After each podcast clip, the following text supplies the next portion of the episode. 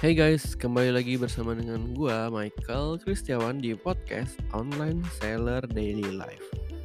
Hari ini gua akan membahas tentang artificial intelligence yang bernama ChatGPT. Jadi gua beberapa waktu ini berhubungan dengan ChatGPT dalam hal mengerjakan tugas, bertanya, bikin konten. Nah, seberapa jauh sih yang gua tahu ya tentang ChatGPT itu bisa ngapain aja dan mungkin bisa membuat kalian memakainya juga untuk kehidupan sehari-hari karena memang program ini jadi ini bukan uh, kayak apps gitu ya, bukan apps. Cuman web based. Jadi kalian bisa buka di browser dan kalian bisa tanya apa pun. Nah, seberapa jauh kemungkinan ChatGPT ini untuk membantu? Kalian bisa dengerin ya di podcast episode ini.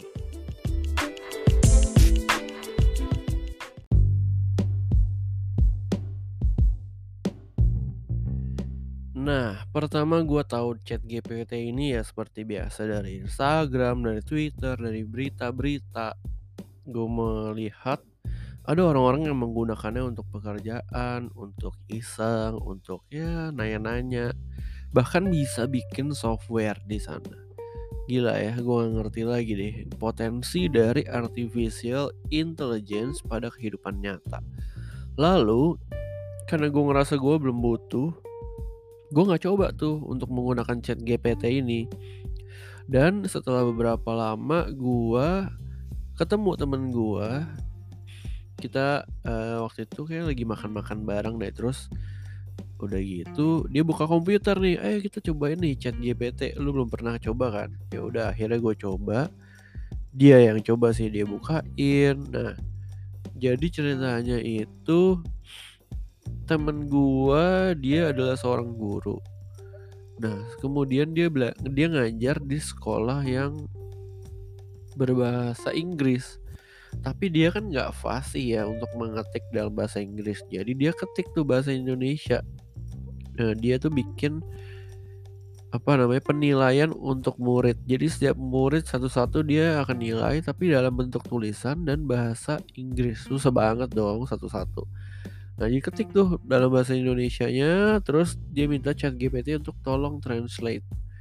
Jadi uh, si chat GPT dia akan langsung translate menggunakan bahasa Inggris. Nah, wah kalau ada yang nggak sesuai, nanti sama temen gue itu dia bisa klik regenerate. Jadi di dalam website itu ada tulisan regenerate. Jadi dia akan generate ulang yang baru sampai dikira-kira mirip dan sesuai. Itu yang pertama gue tahu tentang ChatGPT. Habis itu gue mencoba untuk uh, install bukan install lah gue login gue sign up. Lalu gue coba. Gue coba uh, pertama sih di komputer dia dulu ya pakai account dia. Gue coba bikin puisi gitu misalnya puisi tentang komputer terus tentang komputer tentang hujan dan lagu gitu. Jadi kita bisa bikin minta dia untuk membuat sebuah karya atau sebuah gabungan dari topik-topik tertentu. Dan ini unik loh, puisi tentang komputer, hujan, dan lagu. Bisa. Dia bikin tuh berapa bait gitu, empat atau lima. Ya nggak bagus sih, cuman bisa. ya kalau kurang bagus ya kita bisa regenerate. Tapi yang penting kan idenya udah dari dia gitu. Itu yang pertama. Habis itu gue pakai nih si chat GPT ini buat buat ngerjain tugas. Nah, se sesuai dengan proses kerjaan tugas gue biasanya ya kalau di apa tempat kerja apa kuliah gue nih gue kan emang nyari-nyari jurnal nyari-nyari tesis dari dari internet dari website dari database internet dari Google Scholar apa segala macem habis gue cari gue pelajarin terus gue bikin tuh tugasnya. Nah temen kan ada beberapa yang gue juga nyari dari textbook dan lain-lain gitu ya. Si chat GPT ini bisa nyari dari mereka. Jadi gue nggak biasanya kan gue klik di Google tapi ini gue tinggal ketik aja di chat GPT gitu. Dan dia akan menjawab dan jawabannya itu udah diparafrase. Gue tau dari mana karena uh, eh, gue tuh bikin tugas sama teman gue nih berdua nih. Kita laptopnya ada dua username-nya juga ada dua terus kita nanya jawab pertanyaan yang sama nih. Contohnya pertanyaannya gampang sih.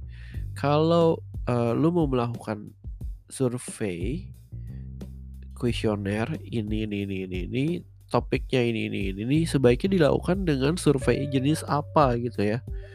Nah dia langsung keluarin nih. Jadi ceritanya tuh jawabannya sebenarnya ada ada 10 jenis survei tapi kita cuma disuruh jawab satu atau tiga lah jadi dari 10 itu dia pilih tiga dan tiga itu uh, eh, ABC gitu. Tapi temen gua dia juga dari 10 itu dia dipilih pilihan tiga. Tiga itu DEF misalnya jadi kita berdua itu punya jawaban yang beda gitu. Ya sama sebenarnya kalau lu ketik di Google ada jawabannya. Tapi kan bentuknya poin-poin atau bentuknya penjelasan dari textbook. Kalau ini penjel bentuknya juga sama sih tapi lebih spesifik aja langsung ketemu gitu jawabannya karena di chat GPT itu yang gue bisa pakai sih sebenarnya. Dan dia juga bisa nanya. Jadi gue bisa nanya tuh ke dia tentang sebuah topik terus pengembangan topik itu misalnya kan gue kemarin juga ada tugas tentang uh, bikin something gitu ya. Jadi lo kan lo bisa nanya kalau topiknya ini teorinya yang cocok tuh apa gitu. Kenapa teori ini cocok? Terus dia bisa kasih tahu juga referensinya dapat dari mana. Dia kasih tahu nih bukunya dari sini dari sini terus gue bisa cari bukunya terus gue bisa masukin itu ke daftar pustaka. Kan lumayan ya bisa memperingan hidup juga sih. Oke terus selain itu kalau untuk membuat apa namanya membuat konten di Instagram juga bisa. Lo tinggal cari minta dia aja. Misalnya sebutkan uh, tiga jenis kenapa kita harus minum teh di pagi hari keluar tuh. Atau sebutkan teh apa yang enak atau sebutkan uh, lima lima resep atau nggak usah sebutkan ya. Mintanya aja ke dia resep uh, cookies tapi dengan rasa mawar gitu ya. Dia akan bikin loh resep cookies rasa mawar. Hebat sih gue ngerti lagi dia hebat sih. Itu yang gue pakai tapi gue bisa ngeliat nih jadi di dunia sana tuh ada ada beberapa orang yang menggunakan chat GPT ini untuk Contoh ya, dia bisa bikin video menggunakan chat GPT. Gimana caranya? Dia minta chat GPT untuk bikin script. Jadi scriptnya dari chat GPT. Terus udah gitu, script itu dia masukin ke namanya uh, apa ya? Audio script gitu loh. Jadi teksnya dimasukin nanti jadi jadi suara. Dari suara dia gabungin ke video. Video juga bukan dia, muka orang gitu yang gerak-gerak sendiri. Itu juga ada webnya jadi di satu video bercerita tanpa perlu dia yang cerita. Itu hebat ya. Hebat sih. Bahkan skripnya juga bukan dia yang ngarang ya. Hebat juga ya cuman ini memudahkan banget sih. Teknologi sih gak wajar ya. Jadi banyak sekali yang bakal tergeser oleh keberadaan artificial intelligence ini.